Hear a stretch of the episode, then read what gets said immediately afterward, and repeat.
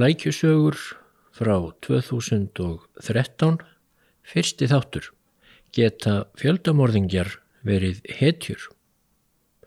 Ég ætlaði að skrifa hetjusögu um gamlan fornaldar kong en uppgötvaði svo að kannski var hann helst til svipaður öðrum og heldur ófélegu manni.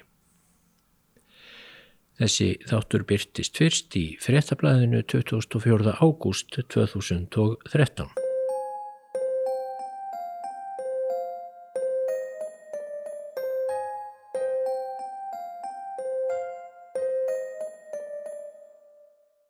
Einu sinni ætlaði ég að skrifa skáldsögu. Réttara væri kannski að segja oft ætlaði ég að skrifa skáldsögu en látum einu sinni duga í þetta sinn og skáldsagan sem ég ætlaði einu sinni að skrifa átti að vera um Mithridates Pontuskong. Líklega vita fáir nú orðið hver hann var, svo ég segi sögu hans í örstuttumáli, þá fættist Mithridates um árið 134 fyrir Krist í borginni Sinope sem þá var höfðborg Pontusríkis. Pontus hafði orðið til eftir umrótið sem Alexander Mikli skildi við sig í miðausturlöndum þegar hann knésetti Persaveldi.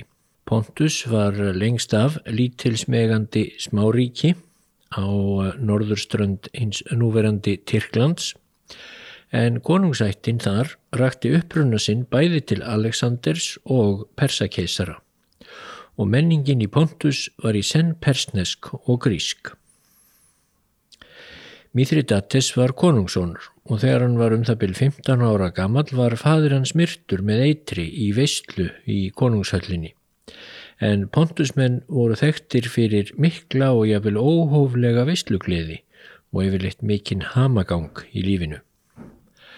Kongur hafði arfleitt sínina Mithridates og Krestus að ríkinu. Móður þeirra skildi þó stýra ríkinu þar til þeir yrðu lagráða og hún kunni vel við völdin og vildi brátt ekki láta þau af hendi. Mithridates tók að óttast um sinn hag því mamma gamla síndi greinileg merki þess að halda fremur fram hlut Kristusar en hans. Mithridates fór því felur þegar komin var á efri unglingsár. Í sjö ár fór hann í dulargerfi um Pontus og lagði sig fram um að kynnast hlutskipti fólks. Í þeim tilgangi lærði hann tungu hverjar einustu þjóðar sem byggði Pontus en þær voru þó nokkrar. Þeim vana helt hann síðar þegar hann fór að ríkja yfir stærri svæðum og á endanum mun hann hafa geta rætt við þegna sína á 22 tungumálum. Jáframt einsetti Mithridatis sér að forðast örlög föður síns með öllum ráðum. Hann fór því að taka inn litla skamta af öllum þekktum eiturtegundum til að gera sig ónæman fyrir þeim. Með tímanum sögðan saman með hjálp grasalækna og seðkarla máttugt móteitur sem hann sögpa á daglega. Eftir að hafa á þennan og margvíslegan annan hátt reyndað stæla sig til átaka þá byrtist Mithridates aftur í höfuðborginni Sínópe og náði fljótlega að hrifsa til sín völdin frá móður sinni og Krestus í bróður sínum. Hann let varpaðum í fangelsi og þar dóðu þau. Móður hans af eðlilegum ástæðum svokalluðum en Krestus var sagður hafa reynd að gera nýtt samsæri gegn bróður sínum og var þá lífláttinn. Um árið 110 fyrir Krist fór Mithridates að seilast til áhrifa í nágrannaríkjum og þó ekki síst á sléttunum handan Svartahafsins. Þar eru Úkræna og Rúsland núna. Þar um slóðir náði Mithridates tölverðum árangri en sunnanhafsins þar rak hann sig fljótlega á nýtt stórveldi sem var farið að tegja áhrif sín til Gríklands og inn í Littlu Asíu eða Tyrkland sem nú heitir. Þetta nýkomna stórveldi var Róm. Á árunum kringum hundrað fyrir Krist jökur ómverjar sífælt ítök sín í grísku borgunum við Eyjahafið og í ymsum smáríkjum í Littlu Asíu. Þeir sendu þangað kaupmenn og diplomata af ímsutægi sem fóru sumir að gera sig all breyða. Þetta kramtist mörgum en aðrir tóku rómverjum fagnandi. Þegar Mithridates Pontuskongur fór að seilast inn fyrir landamæri Bíþiníu ríki sem var nágranna ríki Pontus í Littlu Asíða Tyrklandi þá leitaði kongurinn í Bíþiníu á náður Rómverja og lísti síðan yfir stríði. Mithridates gekk þá í bandalag við ímsar sjálfstæðar grískar borgir og brást við af fullri hörku. Hann sendi herr inn í Bíþiníu og helt herrin allt niður að eigahafi.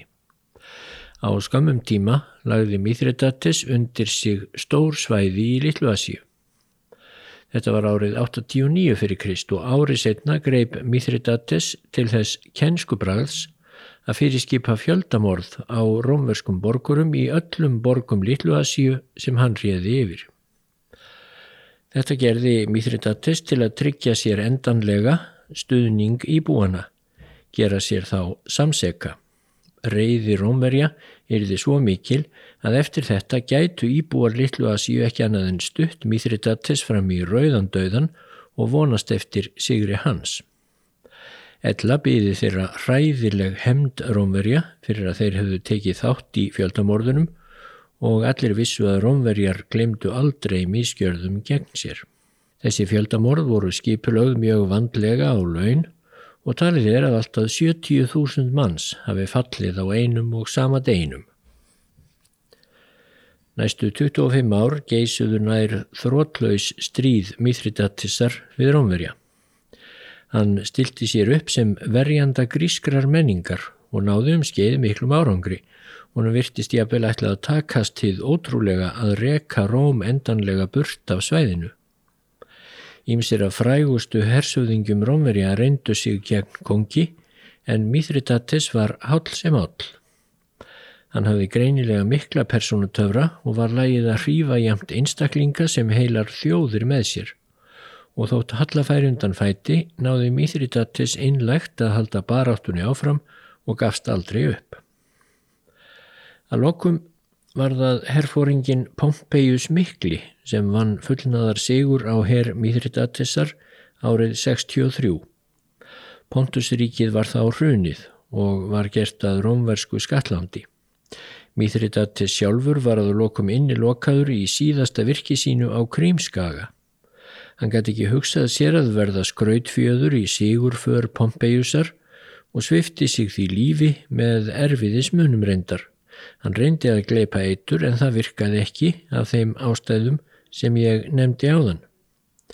Að lokum skipaði Mithridates þræl sínum að högva sig til bana. Strax og ég fór sem stráklingur að lesa mér til um sögu Rómaveldis þá heitlaðist ég af þessum kalli Pontus Kongi.